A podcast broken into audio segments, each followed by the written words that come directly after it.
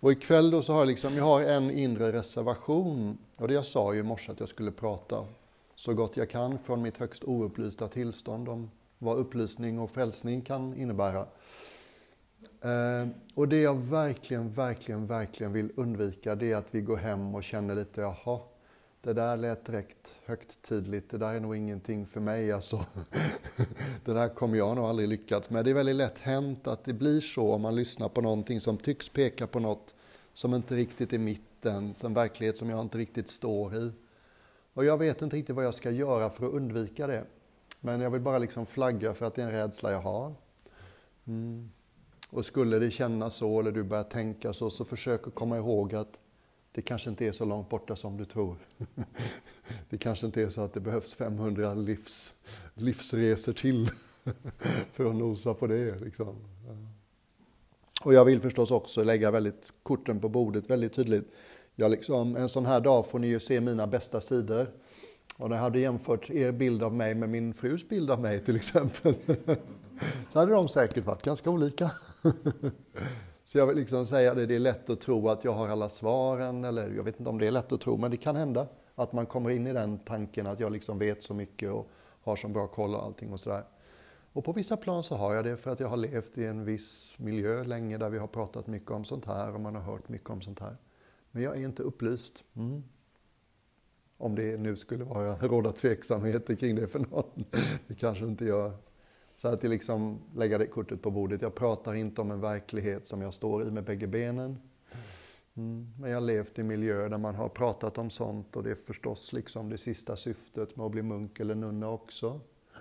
Och det är nog det slutpunkten för vad man gör på ett yogaställe, ett kloster, en kyrka. Liksom. Det är slutpunkten. Och när jag pratar om slutpunkten så påminns jag lite om ett gammalt zenbuddhistiskt talesätt. Man kan inte tala med grodan i botten av brunnen om det stora öppna havet. Det finns inget i grodans föreställningsvärld som har levt hela sitt liv och det är jag som är grodan då. Att jag har liksom kanske inte riktigt förmågan att föreställa mig vad det är jag pekar på. Men jag tar mig den konstnärliga friheten att göra det ändå. Det finns någon sån här populär serie, eller ett bok från typ 50-talet. Vad hette den? Flatland. Flatland. Den handlar om en värld där allting består av tvådimensionella geometriska figurer. Ni vet romber, cirklar, kvadrater, trekanter. Och sen rockar en sfär in liksom. är ni med? En glob. Hello! Och alla bara så här, va, va, va, va vad hände? Vi har liksom ingen plats i våra hjärnor för vad du just tog in i våran värld. Och jag vet inte, det kan låta lite för högtflygande om man pratar så, men det kan vara bra att komma ihåg det där liksom. På samma sätt som att vi inte kan föreställa oss hur långt det är till nästa stjärna. Därför att ljuset reser i 14 år liksom. Det är en, eh, en, en siffra som är så stor så vi förstår inte hur långt det är. Jag liksom bara sätta den tonen också för någon slags ödmjukhet att det här kan vara någonting som vårt intellekt inte riktigt kan förstå i förväg. Mm. Och jag kanske är lite som någon som har läst väldigt mycket eh, reseböcker om Paris, men jag har aldrig varit där. Och jag, är inte ens sant, jag är inte ens säker på att det är sant att vi inte har varit där. Mm. Jag kommer tala om det liksom. Men...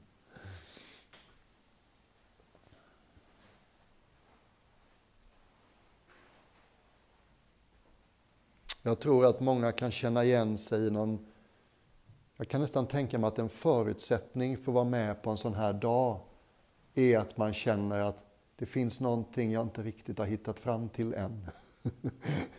Någon sån här liten känsla som har liksom en, eh, en grusbit i den själsliga skon.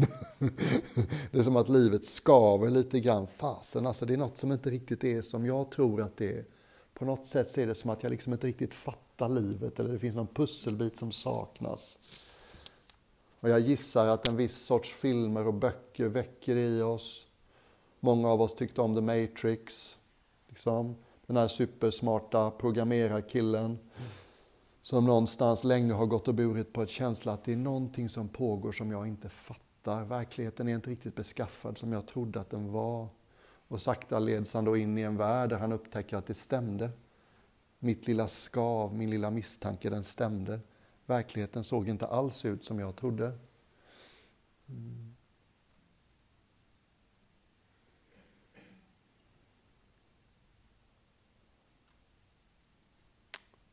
Och om jag ska hoppa rakt in på djupa ändan av bassängen, och why not? Inget har hindrat mig för. Så skulle jag vilja säga att riktningen i vilken den största upptäckten en människa kan göra är den alldeles otippade riktningen. Det är den. Ja. Liksom, det finns ett litet enstavigt ord som vi alla använder jättemycket, som vi börjar många meningar med, fast ingen av oss vet exakt vad det ordet betyder. Och det ordet är jag. Ja. Mitt liv, mina tankar, min kropp, min historia, mina känslor, mina syskon, mina vänner, Ingen liksom avfärdar eller påstår att någonting av allt det där inte är sant. Självklart finns det tankar och känslor och vänner och historia och allt det där. Men när vi börjar undersöka vem är den här tänkta ägaren till de här grejerna? Är ni med mig? Liksom, mitt hår. Ja, just det. Ja, men det kan man väl säga. Mitt hår, det är ganska, det är ganska lätt att fatta. Okej, okay, hår, visst. Hår, absolut. Här finns hår. och den här tänkta ägaren till det där håret, vem är det? Ja. Är det kroppen? Nej. Alltså, jag har en kropp, tänker jag. Jag är inte min kropp. Mm. Om jag vore min kropp, det vore ju jättejobbigt. Kroppen blir ju sjuk trots att jag inte vill det. Kroppen blir ju gammal trots att jag inte vill det. Kroppen tar slut och dör trots att jag inte vill det. Det skulle ju vara lite som att sitta på en buss där det inte finns någon som kör och bara säga this is it liksom. Ja. Och det är så konstigt för att, ja just det ja, så där pratar vi allihopa hela tiden. Men när man frågar någon, du bara hjälp mig, jag menar på riktigt här. När du säger ordet jag, vad är det du menar då? Okej, okay, de, flesta av överens om, de flesta av oss är överens om att det är nog inte kroppen för att den, den har vi ju mera. Mm. Och den gör inte riktigt som vi vill, så det kan ju inte vara min sanna natur. Liksom. Känslorna då? Ja, väldigt ofta kan vi ju känna jag är mina känslor, för de påverkar oss så mycket och styr oss så mycket. Och det är så viktigt för oss att få känna de som är härliga att känna och det är så jobbigt för oss att känna de som är jobbiga. Högst mänskligt. Men det är också ett territorium som vi inte har så himla mycket kontroll över därför att vi tvingas ju uppleva en massa under ett liv som vi inte skulle ha valt. Skulle vi få välja skulle de flesta av oss nog vara lite som Mia Skäringer, kort, glad och tacksam mest hela tiden. Men så är det ju inte. Tankar, samma sak. Det märker vi en sån här dag. Nu skulle jag vilja inte sitta och tänka och fokusera på andetaget. Oj, vad svårt det var. Mm. Vad mycket jag tänker när jag inte vill tänka. Vad många saker jag tänker på länge som gör mig ängslig eller ledsen eller ensam eller arg eller rädd.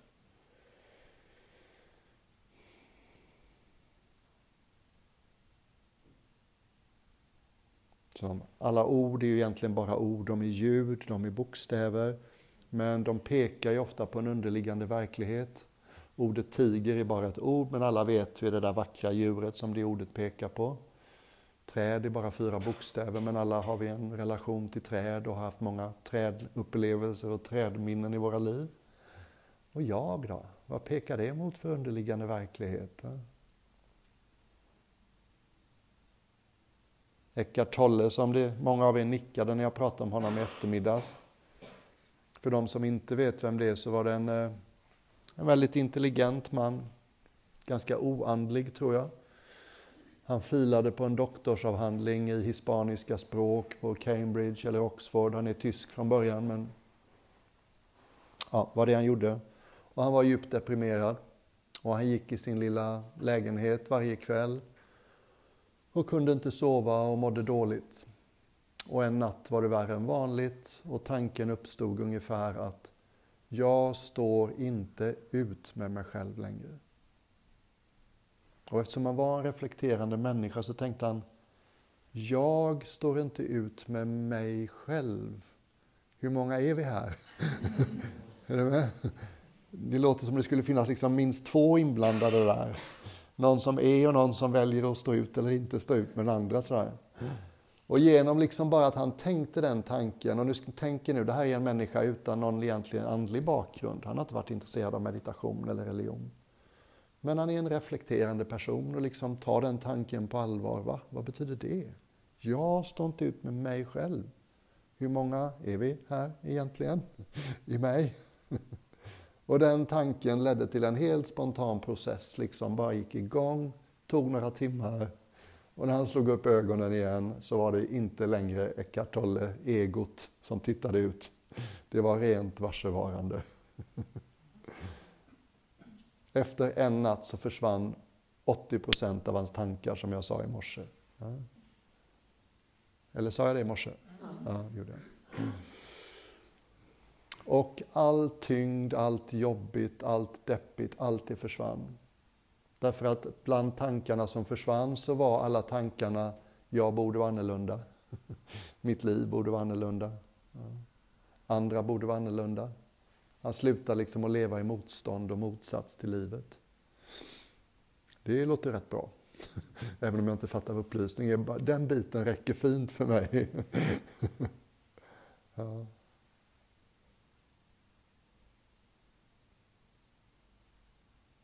Det fanns en väldigt rolig brittisk vis man. Jag vet inte när han hade sitt uppvaknande. Jag skulle gissa att det var, nej just det, jag vet när det var, det var jättelänge sedan. Det var typ sent 40-tal. Han var soldat och lunkade omkring i Himalaya med sin lilla pluton då, brittiska soldater i Indien. Jag gissar att det var innan 48 då, för det var 48 som de blev självständiga. Och han var en andlig person med ett vaket intresse för andlighet. Och hans liksom andliga kontemplation tog sig formen Vem är jag? Vem är jag? Det är liksom samma fråga som jag har pratat om innan. Vända tillbaks uppmärksamheten till det här tänkta ägarna av upplevelser, till det där tänkta centrat i min värld. Och hans uppvaknande var totalt ointellektuellt. Det fanns ingen liksom intellektuell komponent alls.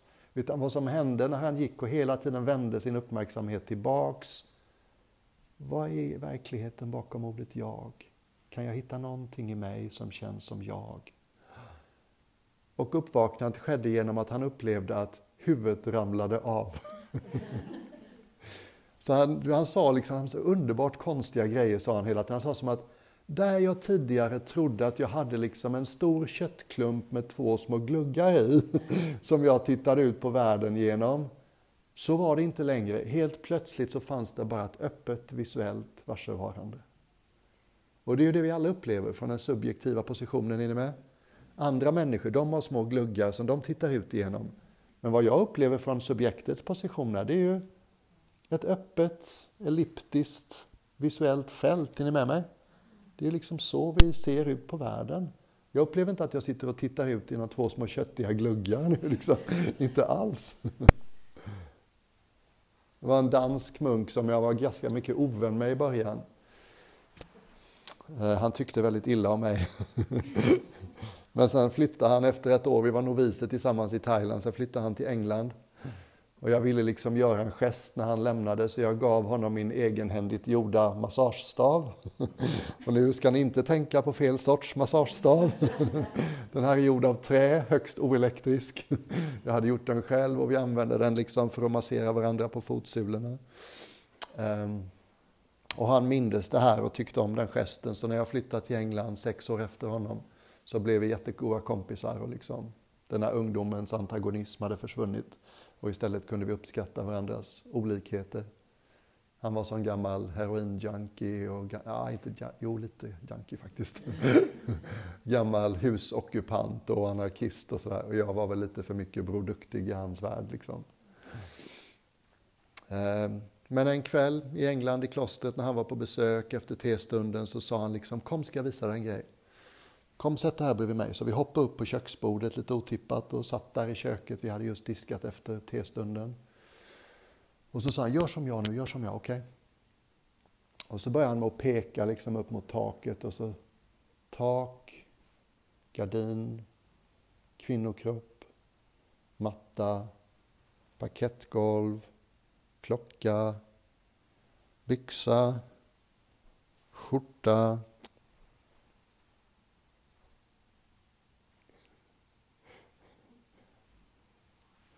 Vad händer när du vänder uppmärksamheten tillbaka till därifrån den kom? Är ni med mig? Ja.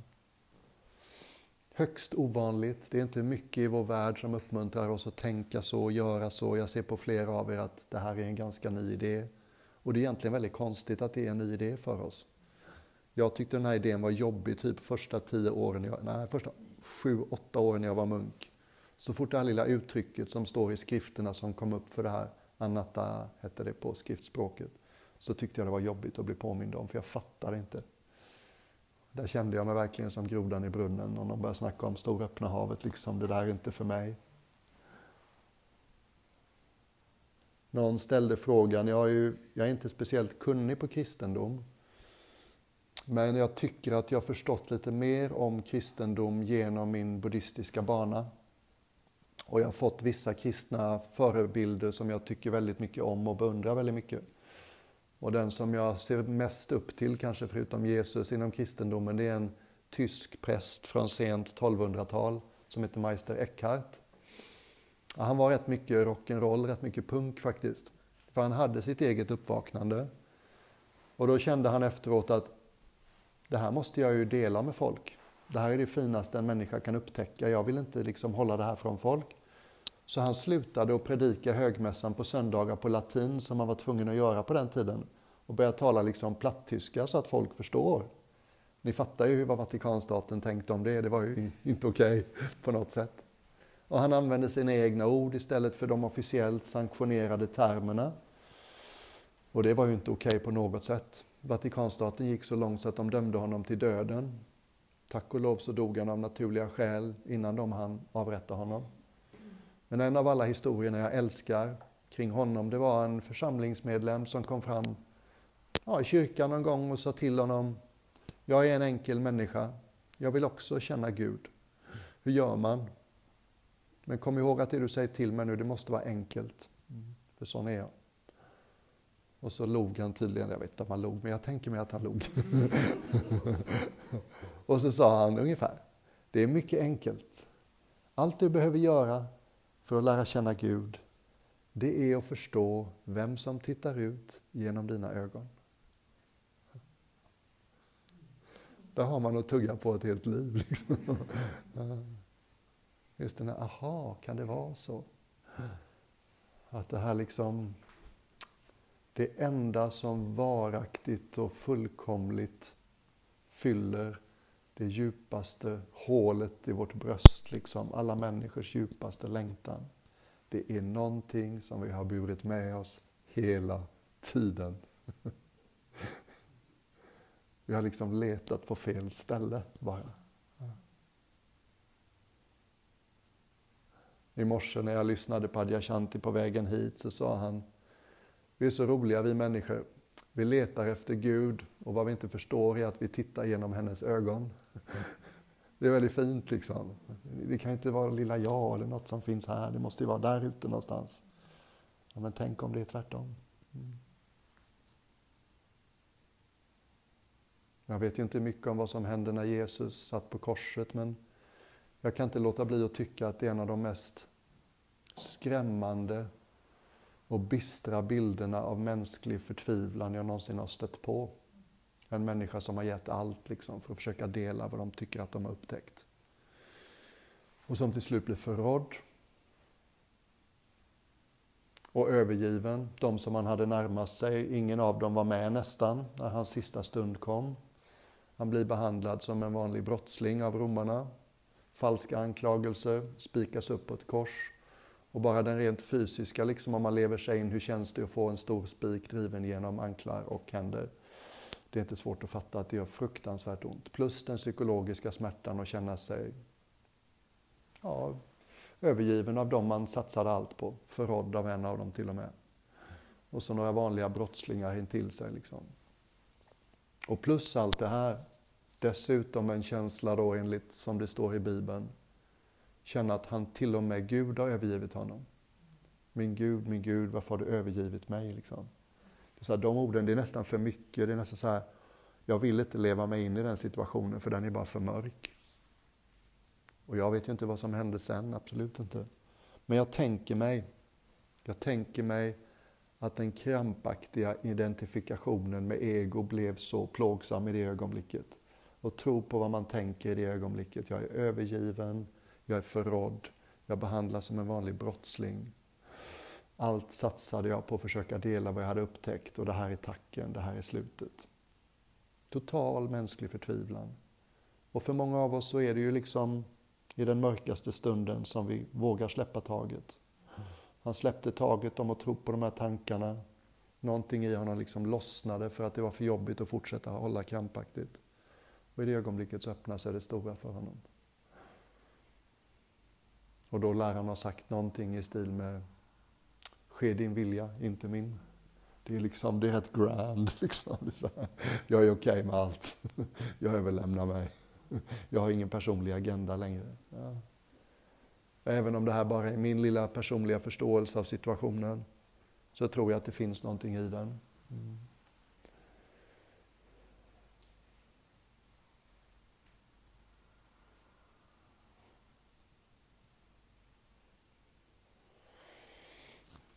I hinduismen så har man så många härliga talesätt och ett av dem är Gud gömde den dyrbaraste av alla pärlor där hen visste att du aldrig skulle leta. I din egen ficka. ja, just det. ja. Inte kan det vara här. I Thailand, i skogstraditionen, så sa man att i vårt oupplysta tillstånd så är vi som tiggare som sitter vid vägrenen på en låda. Vi nöjer oss med växelmynt från förbipasserande. Vad vi inte vet är att lådan vi sitter på är en skattkista med rikedomar bortom vår vildaste fantasi. Wow, det gillar jag. Yes please. ja. Jag tycker om de här historierna om folk som upptäckte att det var så nära när de trodde att det var långt borta. Det finns den kanske mest berömda av alla skogsmunkar under 1900-talet i Thailand. Han hette Ajahn Man. Och det är väldigt roligt att läsa hans biografi och andras biografier av honom. Därför att i princip så går hans liv nio månader om året väldigt mycket på, ut på att han är ute och vandrar och andra munkar försöker hitta honom. och lyckas nästan aldrig. han vill liksom inte bli störd, han vill vara i fred och meditera i skogen. Så, så när någon kommer så glider han ut rätt tidigt en dag, rätt snart efteråt. Och han var liksom ganska strikt och ganska sträng med sig själv. Vi skojade när jag var munk i Thailand, vi var ju rätt tunna allihopa för vi åt bara ett mål mat om dagen. Och det är klart att vi inte uppfyllde de västerländska skönhetsidealen, men vi var banne mig mycket friskare än folk i allmänhet är. Jag låg inte sjuk en enda dag på sju år i Thailand. Och jag vägde ibland 10-15 kilo mindre än vad jag gör nu och jag har liksom inte så mycket extra nu heller. Men jag var friskare än jag någonsin har varit. Mm. Även om min mamma alltid försökte att tjocka upp mig lite. och vi skojade liksom om Adjan Mans nyckelben, du vet. När man såg sig själv eller man såg någon annan munk. Ofta var ju en skuldra avtäckt liksom. Och när nyckelbenen blev för framträdande då vet man att nu väger du för lite ungefär. Va? och han var lite sån, han var liksom bara sträng och lite asketisk och så. Och man kände sig ofta dålig när man jämförde sig med honom. Och när han till slut hade sitt uppvaknande så var det liksom just det som hände. Vilken jubelidiot jag har varit. Jag vet inte om man sa just jubelidiot.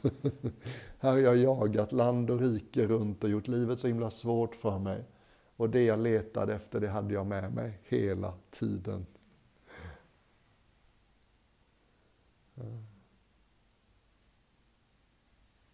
Så jag vet inte om mitt sätt att prata gör det här svårare eller lättare för dig, eller om det gör det lättare för dig att tycka att du är sämre än du borde. Det här kommer aldrig jag få vara med om. Men eh, låt mig påminna dig om att det är närmare än du någonsin har kunnat tänka dig. ja. Det finns en, eh, det, känner ni till Byron Katie? Jag gissar att rätt många i ett sånt här sammanhang gör det. För de som inte gör det, hon var ju en ganska neurotisk fastighetsmäklare i Kalifornien.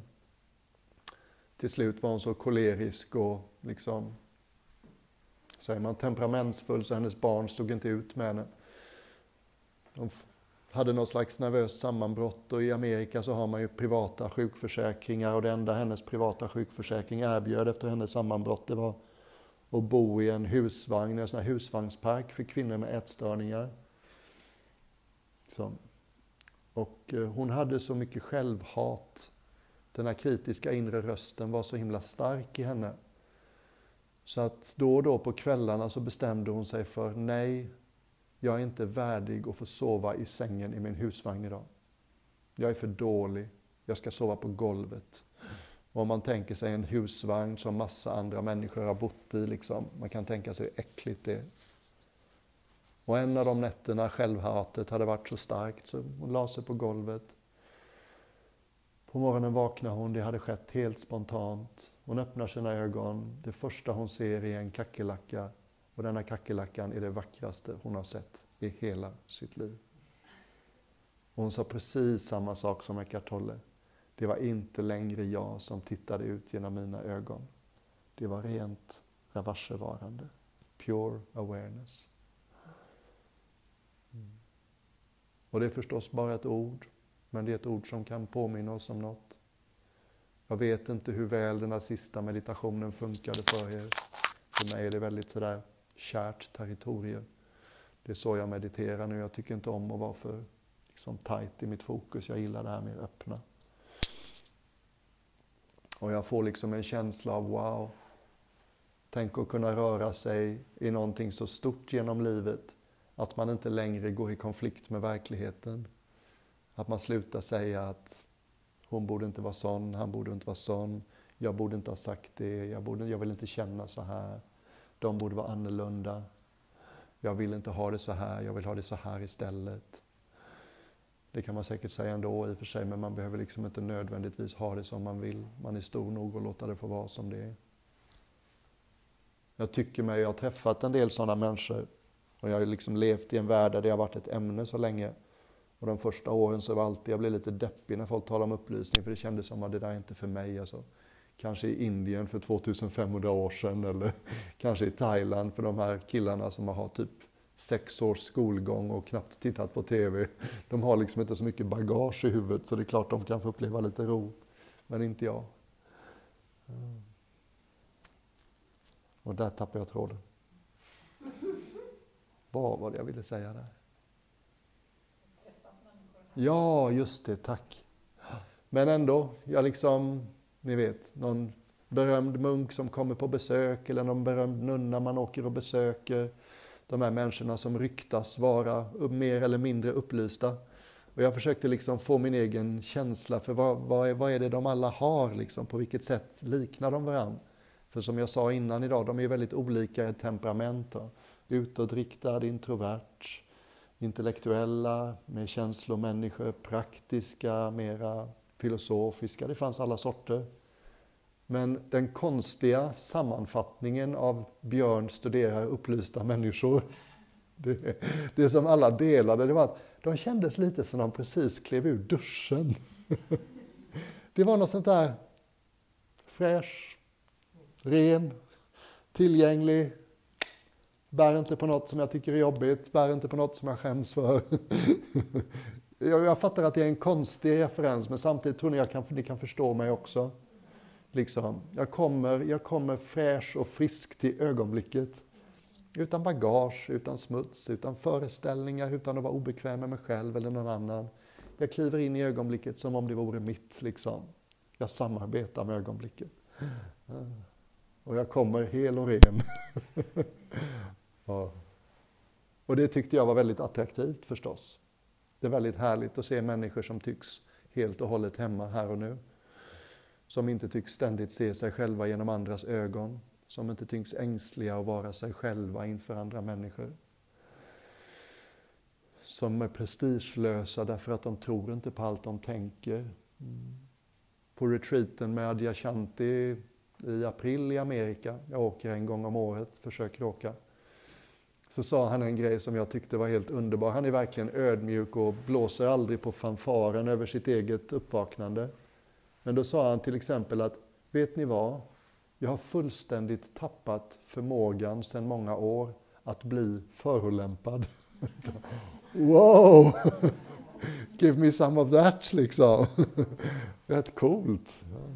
Och det innebär förstås inte att man blir passiv och likgiltig, liksom. men att man inte längre tar saker personligt. Det var på kvällarna är det alltid satsang som det kallas. Då är det två timmar när folk sitter som vi gör här och en i taget ställer sig upp och ställer en personlig, talar om sitt eget liksom och ställer en relevant, brinnande, vital fråga. Och en del av dem är rätt konstiga, en del av dem är rätt dryga, en del gör om det till någon slags personligt andligt CV. Kolla vad mycket jag har mediterat och vad många mästare jag har träffat och vad mycket jag kan. Det blir någon sån här sån grej. Ni vet vissa frågor är liksom förtäckt skryt för att få säga kolla vad mycket jag vet. Och jag kan sitta där och bli lätt förolämpad å Adyashantis vägar. Han blir aldrig förolämpad. Han möter liksom alla sådär Bring it on, liksom, välkommen. Jag har inga invändningar mot hur du, hur du talar, hur du är, hur du sådär. Och det är väldigt attraktivt tycker jag. Väldigt attraktivt. Mm. Och det är som att han säger det, han skriver rätt mycket poesi. Och det är någon sån här dikt som jag inte har läst på länge, men det är typ någon som kommer fram och ställer en komplicerad fråga och liksom Adyashanti tänker det här ska jag svara kort och kärnfullt på. Och så säger han ungefär sista raden There you go again pretending. Det är som att, just det, en medmänniska som just nu har fastnat, fastnat i egoidentifierat tänkande. Men vad jag ser från min position som rent varsevarande, jag ser ju huvudsakligen bara det rena varsevarandet i dig också. Och det är det som är så fint, när man ser det i sig själv så ser man det i andra. Och därför så är liksom alltid kärleksfullhet och medkänsla det är alltid självklara resultat och effekter av uppvaknandet. Och det är väldigt vackert att det är så. Mm. Det går inte att se det i sig själv utan att se det i alla andra människor. Och liksom, det är nästan konstigt att säga men att du och jag har inte mer av det än Donald Trump. är ni med mig? Det är liksom gåvan vi har fått som människor. Jag kan ju inte svära för jag vet ju inte att alla har det men det är väldigt tydligt från alla som talar om det att det här är någonting som hör till en, alla människors arv. Och ibland kan man bli lite speciellt när man var munk då så tänkte man oh, jag är nog den enda här som blir kåt ibland och som oroar mig att det inte ska finnas dessert så det räcker till mig ibland och som, du vet, inte kan hålla sex andetag på raken fokus utan driver iväg. Så man kände sig så inadekvat, liksom, dålig på att vara renlevnadsperson. Och då var det gött när jag sakta började upptäcka att, ja just det, det är inte personligheten som blir upplyst. Det finns inga upplysta personligheter. Det fanns här någon historia som jag tyckte om att påminna mig själv om i skrifterna. Det fanns en massmördare på buddhans tid som hette Angulimala. Anguli betyder finger och mala, det vet ni många av er, det betyder liksom halsband. Angulimala hade den hemska ovanan att från varje offer han mördade så skar han av ett finger och trädde upp på sitt halsband. Är ni med? Så han tänker en man liksom med hundratals fingrar på ett stort blodigt hemskt halsband. Och som till slut då liksom, klart, han hade dödat enligt legenden 999 människor. Och till slut råkar det bli så att buddhan går ensam genom djungeln. Angulimala, det är Angulimalas djungel, han ser honom. Och han är på väg att döda buddhan. Och buddhan enligt legenderna utför något magiskt trick som gör att Angulimala springer allt han kan och buddhan går lugnt och sansat men Angulimala hinner ändå inte ikapp. Who knows? Och enligt böckerna, då, skrifterna, då, så när Angulimala kommer fram till buddhan så säger han, skriker Angulimala stanna, stanna, stoppa, stoppa. Och buddhan stannar upp och vänder sig om och säger jag har stoppat och stannat för länge sedan. Är det inte dags att du också stannar upp? och det är klart, akademikerna och skolastikerna de debatterar än idag vad det betyder. Många av oss tänker att man slutar göra karma när man blir upplyst. Därför att man utgår inte längre från ego utan liksom helheten. Mm. Min intention är helheten. Men vad som är intressant då det är att Angulimala blev så imponerad så att han blev munk och efter några år så hade han sitt uppvaknande. Om någon sitter här och tänker att Nej, men, jag har gjort för mycket dumt i det här livet för att kunna bli upplyst. Så alla som har dödat 999 människor, räck upp en hand. Det är fortfarande möjligt. Och det är bara historier på ett plan, men det är någonting med uppvaknandet som gör att vi går helt och hållet transcenderar personlighet och ego på ett plan. Och det kan vara skönt att komma ihåg det. Vi behöver inte bli någon slags Moder Teresa eller Gandhi för att vara värdiga för det. Det är någonting annat. Och det är lustigt för att man tänker då lite, ja men om det här finns då, det du kallar upplysning och frälsning, varför har inte någon liksom gjort en snygg powerpoint på åtta bilder så att det liksom en gång för alla, så här gör man. jag vet inte. Men jag, jag, har en, jag har en stor del av förståelse för att om det handlar om att vi ska vända oss rakt emot verkligheten som underligger ordet jag, då fattar jag att det är svårt. För det är en riktning som vi nästan aldrig får någon uppmuntran att gå i. Absolut. Och de har ju försökt på olika sätt i olika tider, absolut. En annan sak som jag tycker så mycket om det är att när de som står med båda fötterna i verkligheten pratar om det, så är det så himla stort för dem. Och ändå har de så svårt att förmedla vad är det som är så stort med det. Är ni med? Det är liksom, ingen har gjort en sån här totalt övertygande sales pitch om frälsning eller uppvaknande. Gud för många av oss är ett, liksom ett ord som, ja det är ett ord. Det har ställt till med en hel del bekymmer och det har säkert en del positiv karma också. Liksom. Förstår ni vad jag menar? Upplysning och uppvaknande, det kan låta ganska abstrakt sådär. Jag tycker egentligen inte om att bli påmind att världen jag lever i är en dröm. Buddha betyder den som har vaknat. Det är väldigt tydligt att han gav sig själv det namnet för att påpeka bland annat att vi lever i någonting som har drömlika inslag. Och det är inte roligt att bli påmind om det. Vadå drömlika? Där är du, där är du, här är jag, här är min hand. Ikväll ska jag kanske kolla på vem eller på Så mycket bättre. Igår gjorde jag det. Ja. Men drömmen handlar kanske inte så himla mycket om det som finns där ute, som The Matrix liksom ger bilden av allt som är där ute, är inte som du tror. Utan den verkliga grundbulten i drömtillståndet, det är vem vi tar oss för att vara. Ja. Jag, jag har hört en liknelse på det här, hur var det den gick? Mm. Det är som att vi drömmer, vi tror att vi är någonting väldigt litet och begränsat. Och i själva verket är vi något jättestort och ganska obegränsat. tänk, om, tänk om det är så att vi lever i en garderob med väldigt lite ljusinsläpp. och det här garderobet, det står i ett kungligt slott med 374 rum. och det är vårt egentliga hem. Något stort, majestätiskt, inkluderande, tillräckligt stort för alla. Stort att ha ett olika rum varje natt och sova året runt. Bjuda in alla vänner, alla, alla man kan tänka sig så mycket man vill. Och så har vi fastnat i identifikation med någonting mycket mindre. Det är någonting i den bilden. Det är lite jobbigt att bli påmind om att jag skulle ha missuppfattat saker och ting så grovt. och det är den jobbiga biten att höra någon prata om uppvaknande. Men det finns ju någonting annat där också. Just det.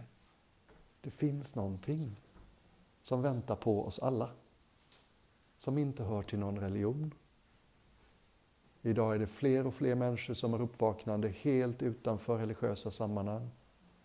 När jag började åka på Adyashanti retreats var jag nästan provocerad över att så många på kvällarna när det var deras tur att fråga ställdes upp och sa Ja, jag hade ett uppvaknande den och den dagen, så så många år sedan.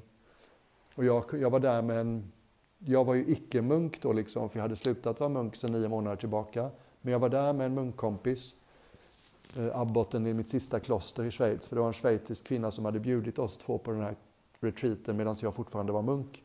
Och hon var snäll nog att säga, jag bjuder dig ändå Björn, även om du slutade vara munk efter att jag bjöd dig. Och efter retreaten när vi pratade med varandra, för man var ju tyst då en vecka, och vi delade rum ganska fint, delade rum med en nära vän i en vecka. Vi sa inte ett ord till varandra, men vi var högst förbundna och liksom brydde oss om varandra. Och på tåget tillbaks till Manhattan så sa vi bägge två, vad provocerande det var med alla de här människorna som ställer sig upp och pratar om sitt uppvaknande.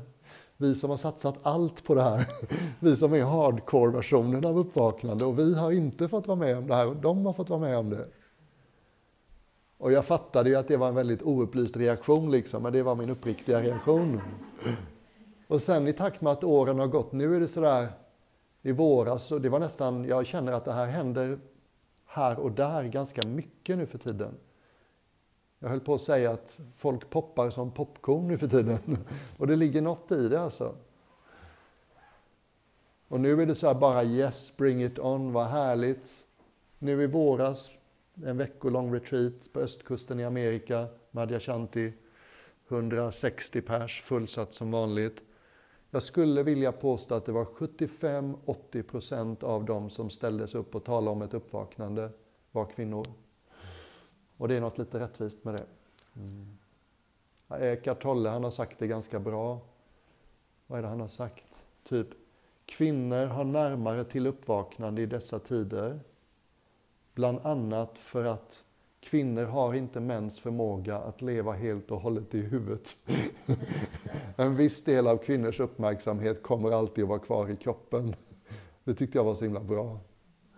Och sen var han lite mer mystisk och svårförståelig, men jag tror jag fattade det också, liksom när han talar om den kollektiva smärtan som kvinnor bär på, inte minst genom menscykeln och förtrycket mot kvinnor historiskt. Men det är ju lite så att smärta kan ju väcka oss. Liksom. De flesta av oss är inte så intresserade av absoluta sanningen när vi har medvind och allt går bra. Det är när livet börjar bli svårt som vi blir lite ödmjuka och frågar oss, finns det ett annat sätt att förhålla sig så att det inte gör så ont att vara jag? Mm. Och jag tycker väldigt mycket om de här liksom trovärdiga påminnelserna om hur upplysning värderas av de som har fått vara med om det. Och två fina exempel. Ett var en annan sån här legendarisk skogsmunk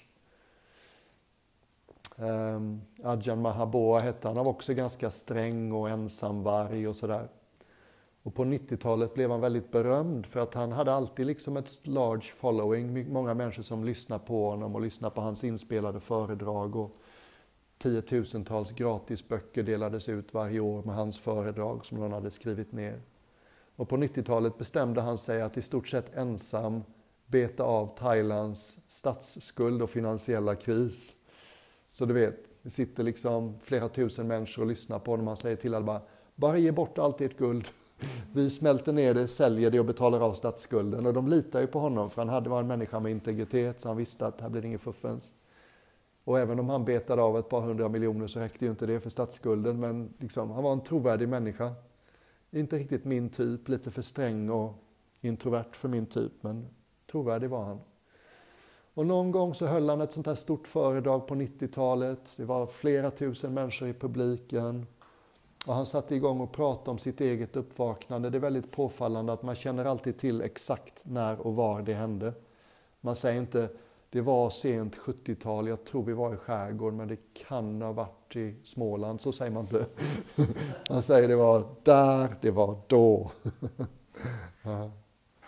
Och han sitter och pratar om det här som hände typ 1957 eller något.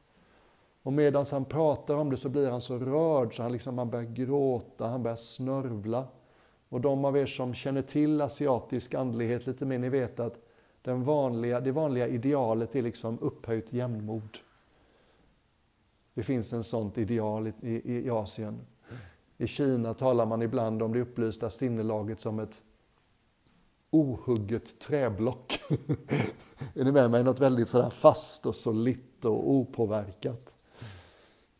Och det visste ju Ajahn Mahaboa också, att det var så folk tänkte i hans publik. Så mitt i den här intensiva, inte kanske gråtattacker, men han gråter ymnigt och han snörvlar och han gestikulerar med händerna mycket mer än vad som anses eh, appropriate, normalt för en thailändsk skogsmunk.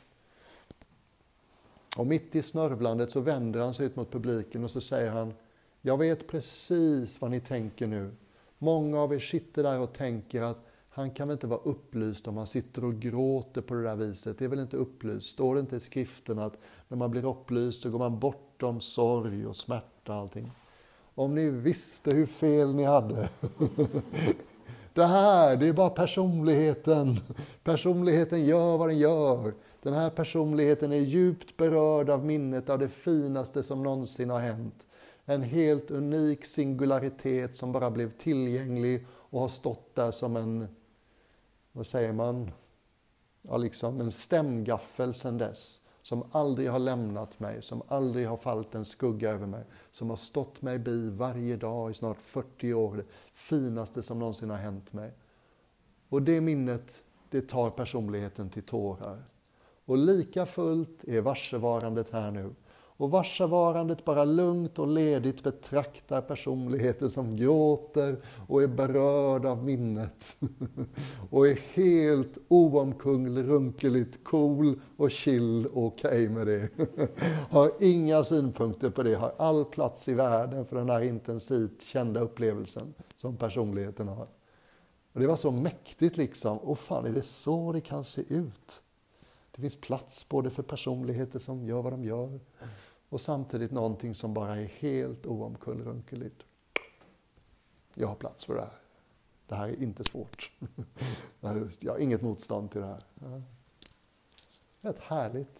Mm. Och Adyashanti, någon dikt som jag läser ibland, där beskriver han väldigt några korta rader liksom om uppvaknandet.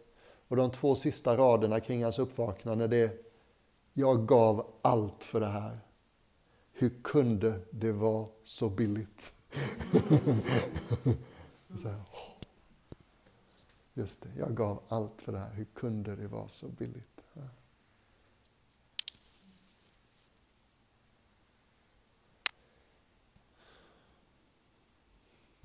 Here we go again. Björn ska försöka vara lättsam och underhåll, underhållande lördag kväll. och gå in i världens djupaste all-in hardcore upplysningsspil.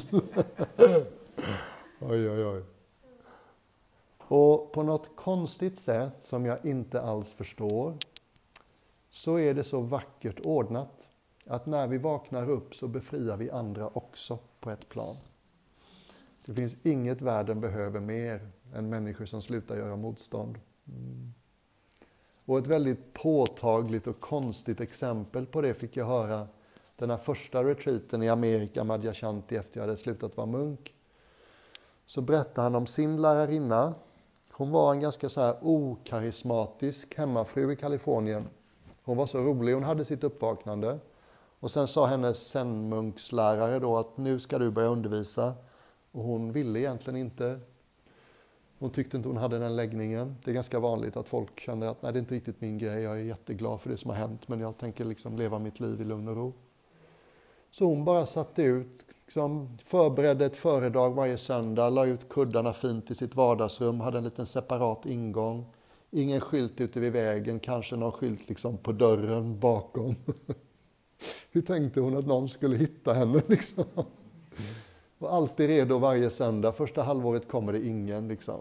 Hon sitter där själv med ett förberett föredrag. Hon mediterar och har det bra, men ingen kommer.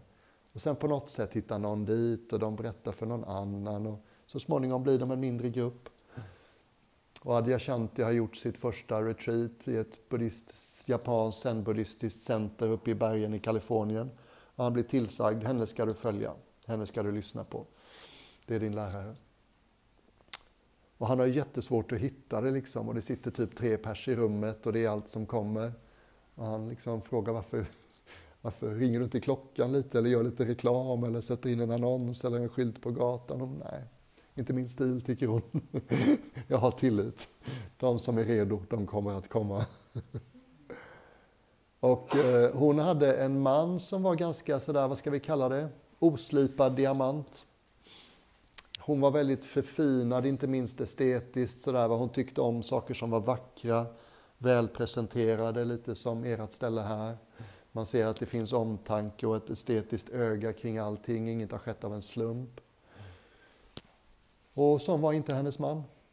Och de hade en överenskommelse att hon kunde meditera på morgnarna och han fixade frukost. Och på morgnarna i meditationen så kände hon ofta att och bra jag har det här när jag sitter och vad skönt det känns. Och vad jobbigt det blir sen när jag ska kliva in i köket och se det här slarvigt dukade frukostbordet. Dag efter dag, vecka efter vecka, månad efter månad. Och någon morgon så hade hon en, någon slags eureka, aha, någon insikt. Hon liksom, jag gissar att hon kände att jag vill inte komma in i köket varje morgon och vara lite missnöjd med dukningen. Det tjänar ingen på, det är inget bra sätt att starta dagen tillsammans.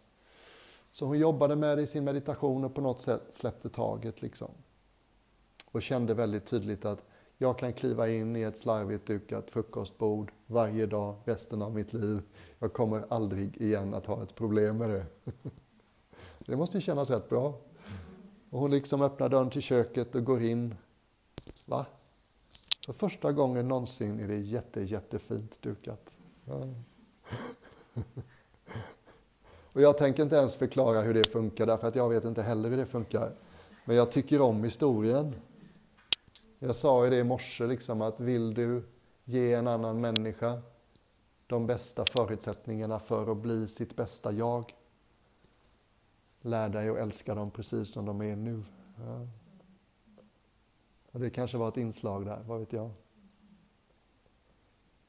Och den här andra mästaren som jag talade om i morse, eller i eftermiddag, jag vet inte när jag har sagt någonting längre. jag har sagt så mycket idag. Men ni vet, han i Indien som sålde cigaretter och var lite, var lite rough. Sånt händer ju bara i Indien, men hans uppvaknande det skedde genom att han var ute och sålde sina cigaretter som vanligt och stötte på sin guru som man bara gör i Indien. och gurun sa till honom typ Du är den absoluta verkligheten. Okej, okay, tyckte väl han ungefär, men hur, hur får jag tillgång till det? Jag kan inte riktigt säga att jag känner det just nu. Allt du behöver vila är, allt du behöver göra är att vila i jag är. Ja, jag är. Samma riktning som vi har pratat om ikväll. Och efter tre år så öppnade sig allting och han var liksom hemma forever. Och det finns böcker, han har aldrig skrivit något, han kan knappt läsa eller skriva, men det finns översättningar av hans svar på frågor. Och den mest berömda heter I am that. Liksom jag är det, jag är det absoluta varsevarandet. Och den, det mest berömda citatet från honom det är Visdomen säger mig att jag är ingenting. Kärleken säger mig att jag är allt. Mellan de två flyter mitt liv. Jag har liksom lagt märke till det. Nästan alla andliga sanningar som har gjort ett riktigt intryck på mig, som går in, de uttrycks i form av paradox. Allting spelar roll, inget spelar roll. jag är allt, jag är inget. Och liksom om man ska sätta en lite mänskligare ton på uppvaknandet så tycker jag det är en fin slutpunkt. Vi går in, vi letar efter någonting som kan likna känslan av ett jag. Ja. Som kan likna någon slags tänkt ägare till våra känslor och tankar och sinnesintryck. Det som jag pratade om mycket tidigare ikväll. Och vi kommer inte att hitta en sån ägare. Det finns nämligen inte. Och det är lite läskigt. Men vad vi upptäcker när vi söker efter ett permanent, solitt jag och inte hittar något och upptäcker att det finns inget på det planet. Motsatsen till det, eller den andra sidan av den polariteten, det är aha, men då behöver jag inte så förtvivlat separera mig från andra människor. Då behöver jag inte längre vara så himla noga med att jag ska få som jag vill. Jag behöver inte sätta upp den där barriären mellan mig och andra som jag alltid har gjort automatiskt. Jag går inte längre omkring och känner att det finns en fantastisk klyfta och avstånd mellan dig och mig. För jag har inte längre den här starka, påtagliga separationsupplevelsen. Här är jag och allt som är utanför mig, det är lite osäkert och det får gärna bete sig på ett sätt som funkar för mig. Och jag vill inte vara i sammanhang där jag inte känner att allting blir som jag vill.